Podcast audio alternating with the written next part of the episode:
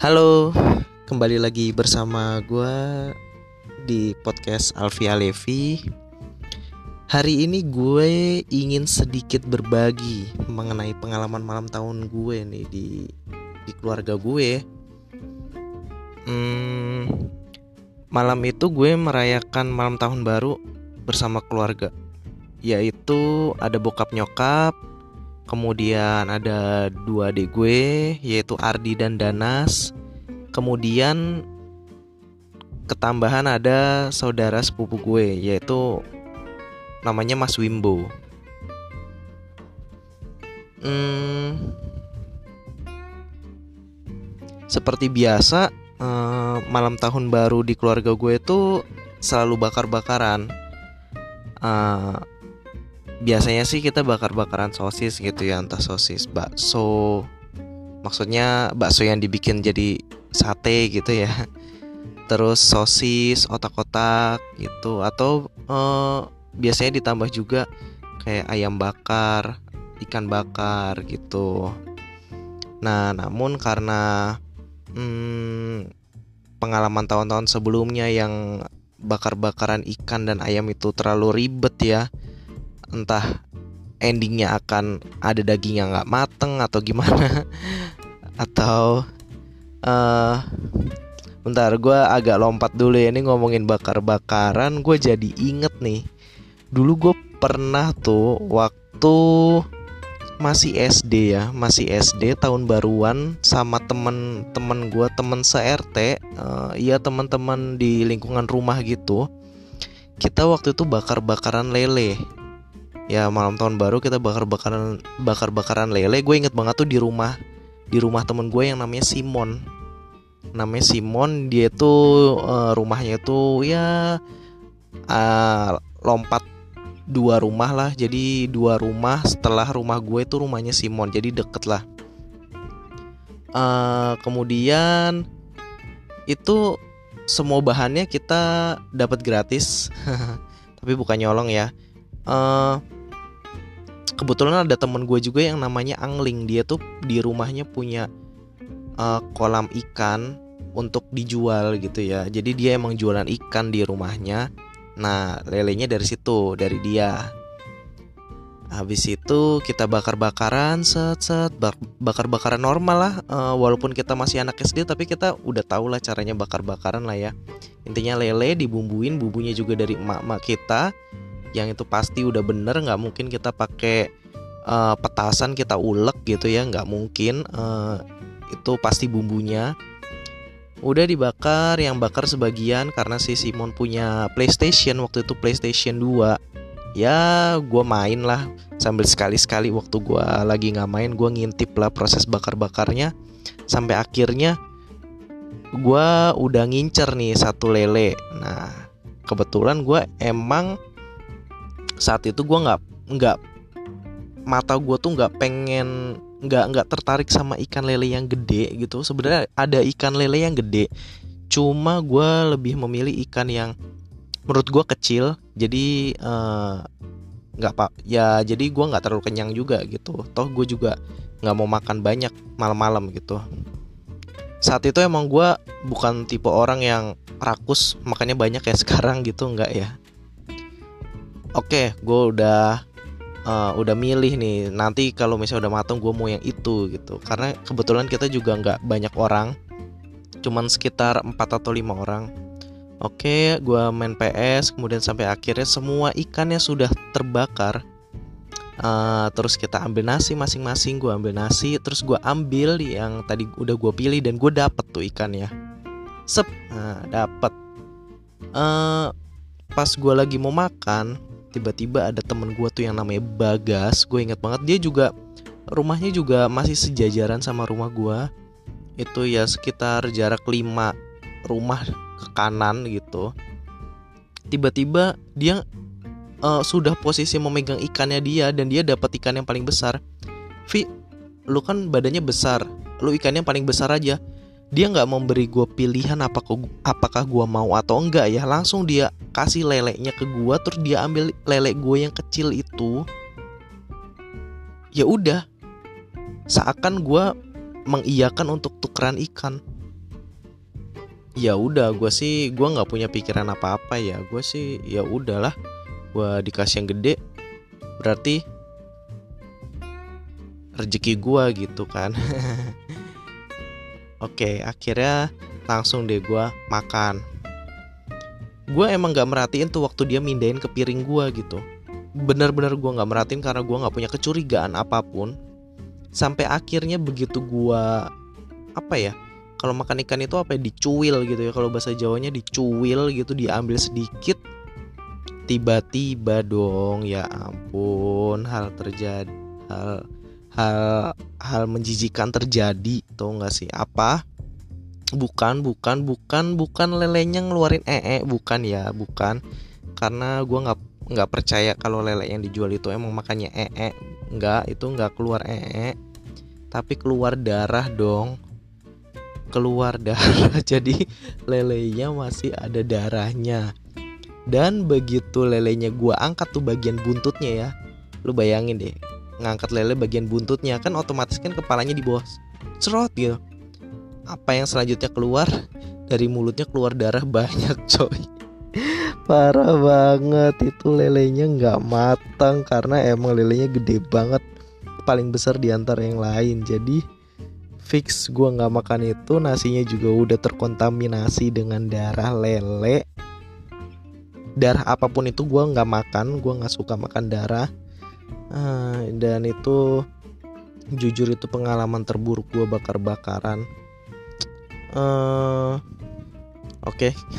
udah kita skip aja kita langsung balik ke cerita gue ke tahun baruan gue uh, kita balik ke ceritanya uh, seperti biasa ya kita bakar-bakaran tapi uh, saat itu kita nggak bakar-bakaran ikan atau ayam karena pengalaman sebelumnya ternyata itu ribet. Selain nyokap gue yang akhirnya juga mm, ngerasa ribet uh, karena karena bikin bumbunya emang ribet. Bikin bumbu ayam atau ikan bakar itu emang ribet banyak dan ngotorin banyak peralatan dapur. Akhirnya kita memutuskan untuk mm, bakar-bakaran sosis bakso bakso yang ditusuk-tusuk jadi sate sate bakso itu dan otak-otak. Nah oke semua peralatan udah disiapkan semua bahan sudah disiapkan. Uh, kita awali ceritanya dari pagi hari ya. Saat itu kan tanggal 31 Desember. Uh, dan kantor gue masuk. Sebenarnya gue bisa aja ngambil cuti pasti dikasih tapi gue nggak mau apa ya nggak mau nggak mau rugi. Karena kalau kalau malam tahun baru itu udah pasti di kantor gue itu cuman setengah hari. Paling jam 12 juga udah pulang atau habis makan siang pasti udah pulang. Jadi gue rugi lah ya kalau ngambil cuti di saat-saat seperti itu. Mendingan gue masuk setengah hari gue balik. Tapi uh, ada something lah terjadi di kantor hingga akhirnya gue baru bisa pulang itu jam setengah tiga atau jam tiga. Uh, gue balik ke rumah sampai rumah jam 4 ya. Sampai rumah semua semua orang tuh udah pada cemberut karena mereka tuh berpikir kita akan berangkat siang karena oh ya gue lupa cerita. Biasanya tuh kita bakar bakarannya tuh di rumah gue di rumah tempat tinggal gue tapi bukan rumah gue maksudnya rumah orang tua gue Nah, kali ini gue mengajak keluarga gue untuk uh, bakar-bakarannya di rumah gue. Jadi gue udah ngambil uh, rumah di Cikarang gitu ya. Uh, eh, gue memilih tempat itu karena jujur gue belum pernah menempati rumah itu. Uh, jadi ya bisa dibilang sekalian lah nginep perdana di rumah gue gitu. Hmm, singkat cerita akhirnya setelah mereka udah cemberut-cemberut gitu ya jujur gue juga digituin gue sebenarnya agak bete karena uh, karena ya gimana ya namanya juga orang kerja kan ya harusnya sampai rumah ya tanya dulu lah kok baru pulang atau apa. Tapi ah ya udahlah gue nggak mau merusak malam tahun baru nanti. Gue pengen semuanya tetap berjalan sesuai dengan rencana kita akan bakar-bakaran di rumah gue. Itu di Cikarang. Hmm, Cikarang itu Kabupaten Bekasi ya buat kalian yang nggak tahu buat kalian yang tidak tinggal di Pulau Jawa Cikarang itu Kabupaten Bekasi dan gue tinggal di kota Bekasi ya. Oke, akhirnya setelah semua persiapan, barang-barang sudah dimasukkan ke mobil, sudah lengkap. Uh, dan oh iya, kalian pasti udah tahu ya, tanggal 31 Desember itu hujan ya dari sore. Kalau di Bekasi itu dari sore. Jadi selama kami persiapan itu emang posisi di luar itu sudah hujan. Sudah hujan, cuman kami tidak memprediksi kalau itu akan menjadi hujan yang sangat deras dan panjang hingga akhirnya akan menimbulkan banjir yang sangat uh, sangat luar biasa ya karena banjirnya sangat sangat banyak titiknya. Di Bekasi, Jakarta, Tangerang banyak titik banjirnya. Uh, kami hanya berpikir ini hujan seperti tahun-tahun sebelumnya di malam tahun baru. Karena seingat gue setiap malam tahun baru tuh selalu gerimis. Uh, eh, gue berpikir mungkin ini hu akan hujan dulu sore sampai malam terus nanti sampai tengah malamnya tuh akan terang uh, gitu. Gue berpikir mungkin ini rekayasa cuaca gitu ya. Mungkin Pak Jokowi membuat hujan sore ini biar nanti malam cerah gitu kali ya. Aduh on banget gue iya emang gue mikirnya gitu.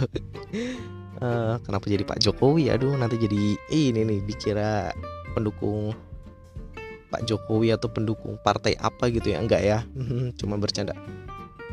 Oke lanjut semua barang sudah sudah masuk ke dalam mobil dan akhirnya ya udah orang-orangnya juga masuk mobil guanya juga masuk mobil dan gue yang nyetir gue akan menyetir membawa mobil gue membawa keluarga gue bersama peralatan-peralatan dari rumah orang tua gue ke rumah gue Oke, gue nyetir dan gue akan pergi ke rumah gue.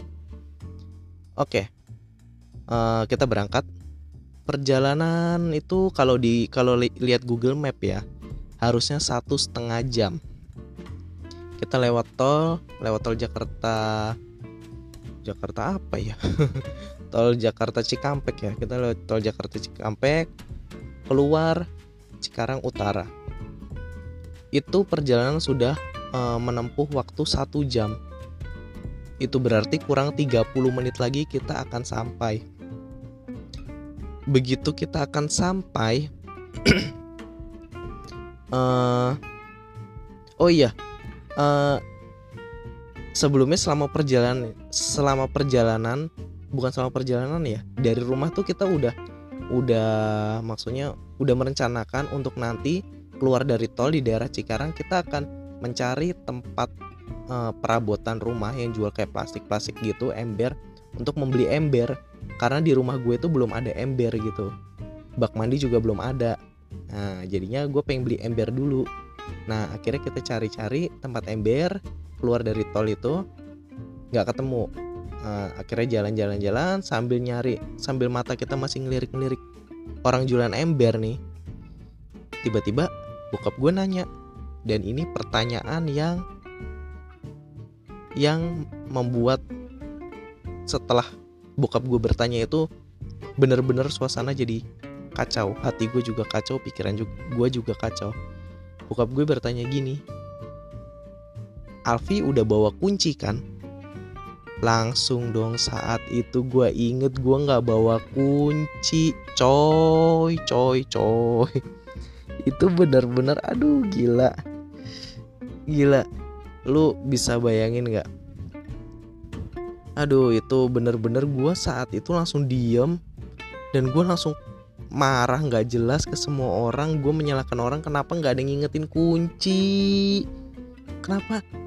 Kenapa? Ya ampun gue kan nggak biasa nggak bia belum biasa punya rumah. Gue nggak inget kalau gue mau pergi ke rumah itu gue harus bawa kunci gitu.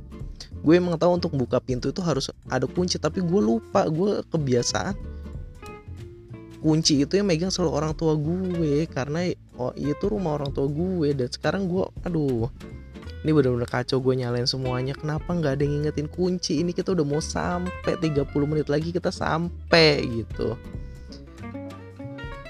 Apakah kita harus uh, balik pulang terus bakar-bakaran di sana di rumah tapi sebelumnya kita harus nurun-nurunin semua peralatan dulu gitu yang udah ah, udah kita siapin buat bakar-bakaran di Cikarang terus akhirnya kita bakar-bakaran di rumah gitu. Kayaknya aduh gila banget. Tapi tiba-tiba gue apa ya gue langsung uh, menghilangkan kegalauan gue itu uh, gue gue berusaha untuk tidak menyalahkan siapa pun walaupun gue udah udah menyalahkan banyak orang. Langsung gue bilang oke kita kita kita waktu itu berangkat kita berangkat jam 7 It, uh, saat saat kejadian bokap gue ngingetin kunci itu itu jam 8 kalau kita balik ke Bekasi berarti kita perlu waktu satu jam terus balik lagi satu setengah jam lagi. Berarti kita bisa sampai jam setengah sebelas. Setengah sebelas masih bisa siap-siap bersih-bersih dikit lah rumah gue kan nggak luas ya. Sapu-sapu dikit siap-siap terus bakar-bakaran harusnya jam 12 udah jadi itu tinggal kita makan dan doa bersama. Oke gue mantap dan gue yakin. Gue pulang.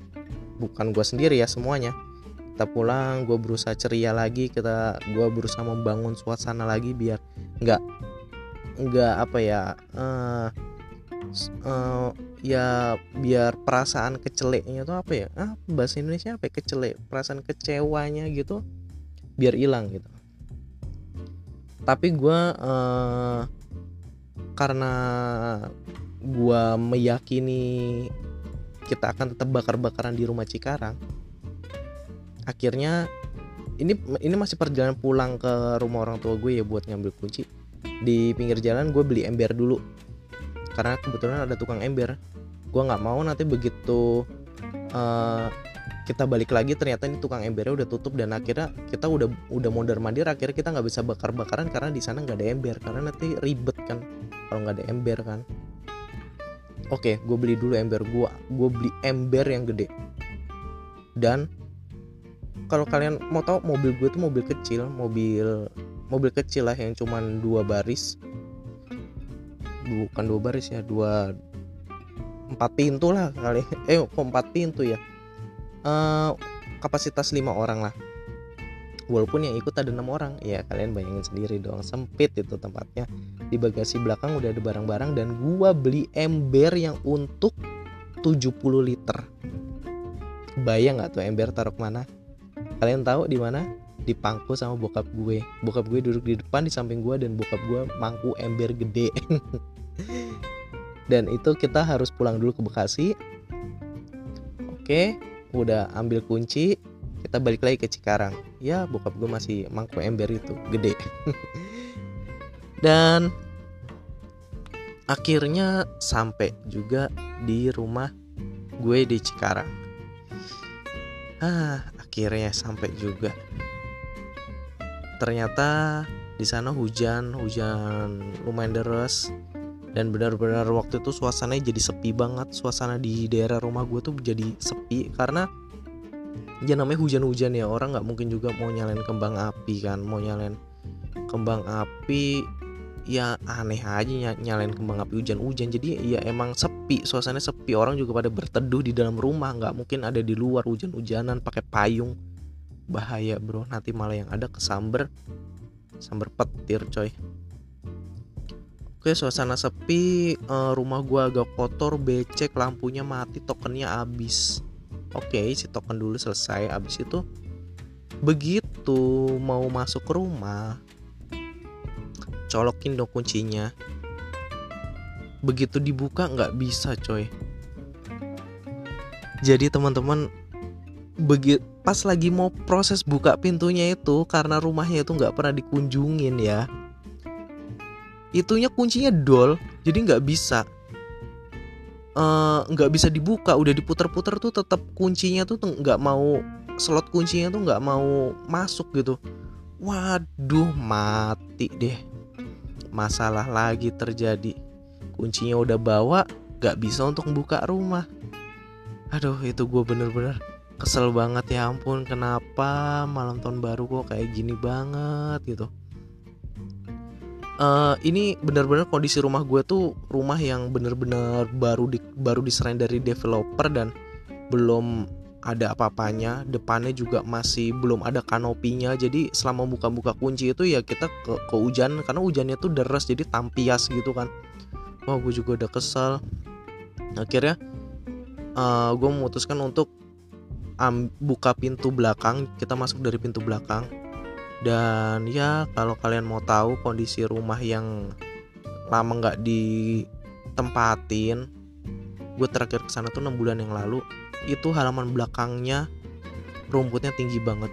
Bener-bener tinggi dan gue jujur gue takut karena lagi musim ada apa ya berita tentang ular kobra ular piton gitu kan. Gue takut tapi ah gue paksa gue harus bisa masuk. Gue buka dari pintu belakang akhirnya bisa kebuka untungnya nggak dol juga akhirnya gue buka jendela depan supaya uh, keluarga gue yang di luar bisa masuk. Setelah bisa masuk ya mau nggak mau pintu itu kami pintu itu di dirusak sama bokap gue jadi dijebol gitu. Jadi kunci-kuncinya itu juga dijebol sama bokap gue biar pintunya bisa kebuka. Masalah besok cara nguncinya gimana pikirin besok. Semoga aja besok ada toko bangunan yang buka karena kita, karena harus ganti semuanya itu oke nggak apa-apa. Uh, waktu udah menunjukkan hampir jam 11 kita belum mulai. Akhirnya kita buru-buru uh, kita bagi tugas. Ada yang beres-beres ada yang ngepel ada yang nyapu ada yang setting buat keperluan kita bakar-bakar. Terus ada yang mulai nusuk-nusukin nusuk-nusukin ke lidinya itu ya karena emang belum ditusuk-tusukin. Terus habis itu gue sama bokap gue berusaha berusaha untuk menyalakan arang yang ternyata arangnya itu juga susah.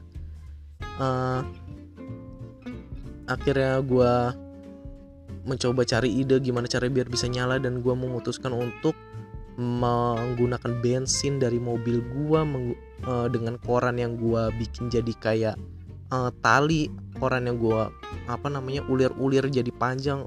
Tujuannya biar gue bisa cemplungin ke lubang bensin biar dapat bensinnya. Tapi ternyata bensin gue tinggal dikit dan gue belum isi. Akhirnya gue nggak mendapatkan bensin untuk menyalakan arang tapi akhirnya dengan kejeniusan bokap gue yang emang jago bertahan hidup di alam liar itu dia bisa menyalakan arang itu. Hingga akhirnya ya proses bakar-bakar terjadi uh, semuanya udah terbakar gitu udah selesai. Akhirnya kita doa bersama doa bersama untuk uh, ya doa untuk mengakhiri tahun 2019 ini dan mengawali 2020 itu memang ritual di keluarga gue sih. Doa bersama intinya doa bersama kemudian dilanjutkan makan bersama. Uh, semuanya kemudian uh, berjalan normal dan gue uh, ya gue bersyukur lah karena karena gue jujur saat gue inget kuncinya itu nggak bawa jujur gue pengen nyerah dan gue pengen jadilah ya bakar-bakaran di rumah aja. Tapi hmm, ya bisa bisa dibil bi, gue bis uh, gue gue merasa gue mendapat banyak pelajaran berharga dari dari malam tahun baru gue itu bersama keluarga walaupun banyak insiden. Cuman gue merasa gue bisa mengambil banyak pelajaran. Uh, eh, gue jadi uh, jadi tahu kalau misalnya uh, pergi menuju suatu tempat itu ya misalnya ke rumah ya gue harus pikirin tuh kuncinya karena itu penting. Bawa kunci itu penting karena jujur gue emang ya namanya juga baru punya rumah kan begitu gue mau ke rumah gue ya gue lupa bawa kunci ya udah. Menurut gue itu pelajaran yang sangat penting bagi gue dan mungkin lebih dari itu uh, gue juga belajar kalau gue tuh harus yakin dengan uh, target yang ingin gue capai. Begitu ada satu masalah kita harus punya uh, apa solusinya dengan tetap berpatokan pada tujuan itu.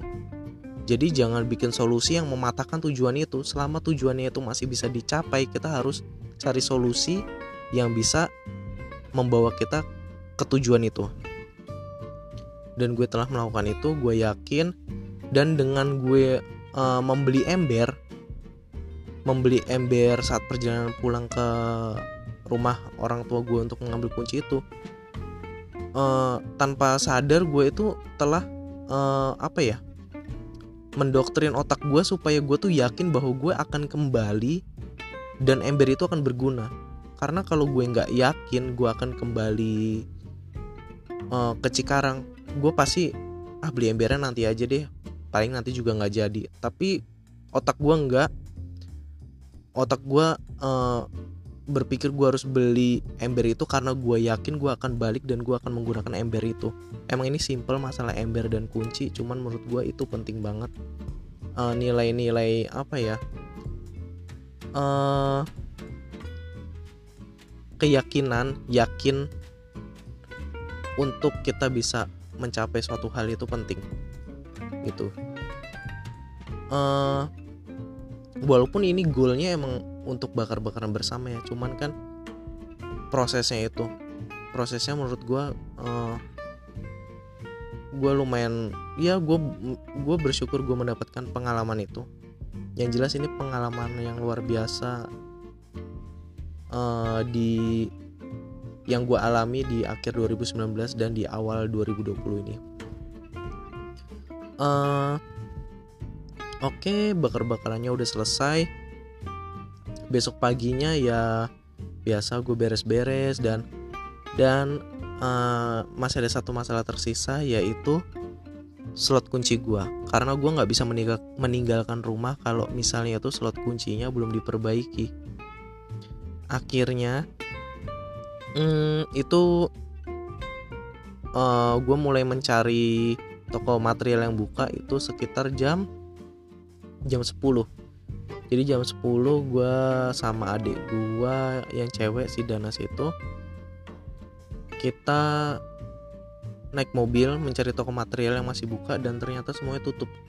Kita udah berjalan mau uh, kita sudah berjalan sangat jauh itu mungkin ada sekitar uh, 20 menit. Jadi kita hampir sampai ke jalan tol lagi tapi kita tidak menemukan toko material.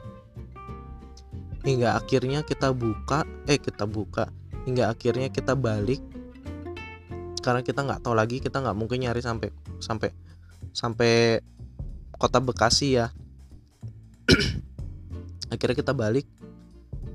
Gue saat itu bukannya nyerah tapi gue yakin saat gue balik mungkin ada toko yang tadi kita da kita datangi itu tidak buka tapi ternyata tiba-tiba buka.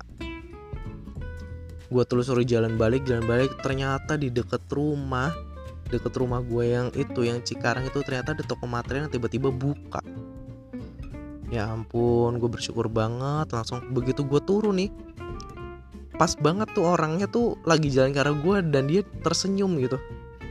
Cari apa mas? gitu. Saya pikir nggak bakal ada yang beli dia bilang gitu. Lo kenapa mas? Iya sebenarnya uh, sebenarnya dari tadi kita nggak mau buka gitu emang mau tutup. Tapi tiba-tiba ibu saya nyuruh saya buka katanya barangkali nanti ada orang yang butuh gitu kan. Wah gila nih orang bener-bener deh.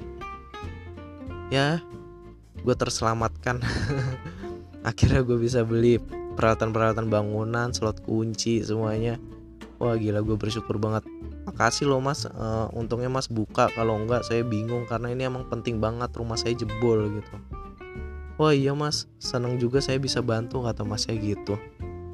Ya udah deh akhirnya gue balik ke rumah kita gue sama bokap gue udah setting setting tuh bener-benerin pintu. Ya semuanya lah.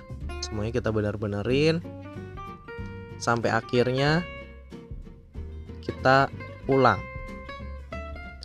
Uh, kita pulang itu sekitar jam jam oh iya selama kita di sana kita tuh juga dapat kabar kalau ternyata rumah gue yang di Bekasi rumah orang tua gue itu ternyata banjir. Tapi emang kita kita yakin rumah kita nggak akan kemasukan walaupun rumah tetangga kemasukan karena rumah kita tuh emang udah tinggi gitu loh. Gue coba buka CCTV uh, ternyata uh, no connected uh, ternyata mati listrik. Jadi gue nggak bisa connect ke CCTV gue akhirnya ya udah kita pulang. Akhirnya kita pulang jam 4 sore. Kalian tahu apa teman-teman? Perjalanan dari Cikarang ke Bekasi itu harusnya satu setengah jam. Sama kayak uh, dari dari Bekasi ke Cikarang satu setengah jam kita udah menempuh jarak sekitar satu jam dan di di map itu tinggal 30 menit lagi jarak itu tinggal 8 km lagi.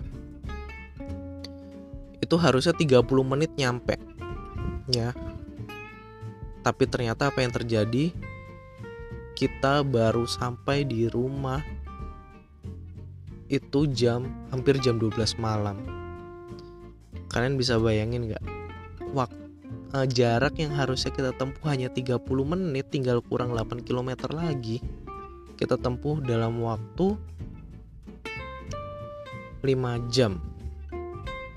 Iya 5 jam. Jadi dari 5 kan 6 7 8 9 10 6 jam teman-teman. 30 menit jadi 6 jam. Dan itu perjalanan yang menurut saya sangat melelahkan amazing gila. Akhirnya sampai di Bekasi semua gelap dan ternyata benar mati lampu. Sampai di rumah benar banjir. Dan memang tinggi karena uh, mobil gue benar-benar buat menerjang banjir itu emang berat emang dalam dan dan mungkin hampir mogok. Beberapa kali hampir mogok. Kalau gua nggak gas terus itu mungkin mogok. Tapi akhirnya kita sampai rumah uh, kita turun-turunin barang ya kita akhirnya sedikit berberes-beres karena terasnya sangat kotor. Karena air itu sebenarnya udah hampir masuk ke ke apa ya ke halaman depan. Udah hampir masuk tapi akhirnya uh, nggak nggak nggak tambah tinggi lagi. Kita cuman khawatir air tambah tinggi jadi kita udah sebenarnya kita udah prepare prepare uh, apa turunin saklar listrik sama kita udah apa bersih bersihin lantai jadi nggak ada barang-barang yang dikhawatirkan akan rusak kalau emang airnya naik. Tapi ternyata emang airnya cuma sampai situ aja. Uh, oke okay, jadi ya sudah seperti itu aja ceritanya. Ya gue bersyukur gue bisa melalui malam tahun baru uh, malam tahun baru gue dengan ya dengan beberapa kejadian itu tapi uh, eh, gue sadar kejadian itu emang uh, sangat berarti bagi gue gue bisa mengambil banyak manfaat dari kejadian itu. Dari masalah kunci masalah beli ember masalah pintu rusak dan mencari slot pintu dan ya dan seluruh perjalanannya yang perjalanan kembalinya yang sangat panjang itu gue sangat bisa mengambil manfaatnya uh, semoga kalian juga bisa mengambil banyak manfaat dari pengalaman gue ini. Uh, cukup sekian uh, ceritanya. Ya mungkin bisa dibilang ah cerita apa sih ini? Cerita nggak penting. Uh, tapi coba deh kalian apa bayangin lagi emang itu sepele cuman menurut gue itu uh, sangat dalam sangat dalam pelajarannya yang bisa kita ambil. Oke cukup sekian dulu. Uh, selamat tahun baru buat kita semua walaupun podcast ini baru di share uh, tanggal berapa ya? Tanggal 5 atau tanggal 6 uh, eh, tapi tetap uh, selamat tahun baru buat kita semua. Semoga di tahun 2020 ini makin banyak hal yang bisa kita capai. Semoga yang di 2019 belum tercapai bisa kita capai di 2020 Inti, intinya kita harus tetap yakin dengan tujuan kita. Jika ada suatu masalah yang menghambat kita untuk mencapai tujuan kita itu kita tetap harus cari solusi dan memiliki prinsip untuk tetap mengejar impian itu. Jangan menyerah di tengah jalan. Walaupun nanti di 2020 juga belum kesampaian kejar lagi di tahun berikutnya. Intinya jangan mencari solusi yang berlawanan dengan tujuan kita itu. Semoga tujuan kita bisa tercapai semoga mimpi-mimpi kita bisa selalu bisa tercapai dan kita semua bisa sukses selalu. Oke cukup sekian dulu podcast gue hari ini.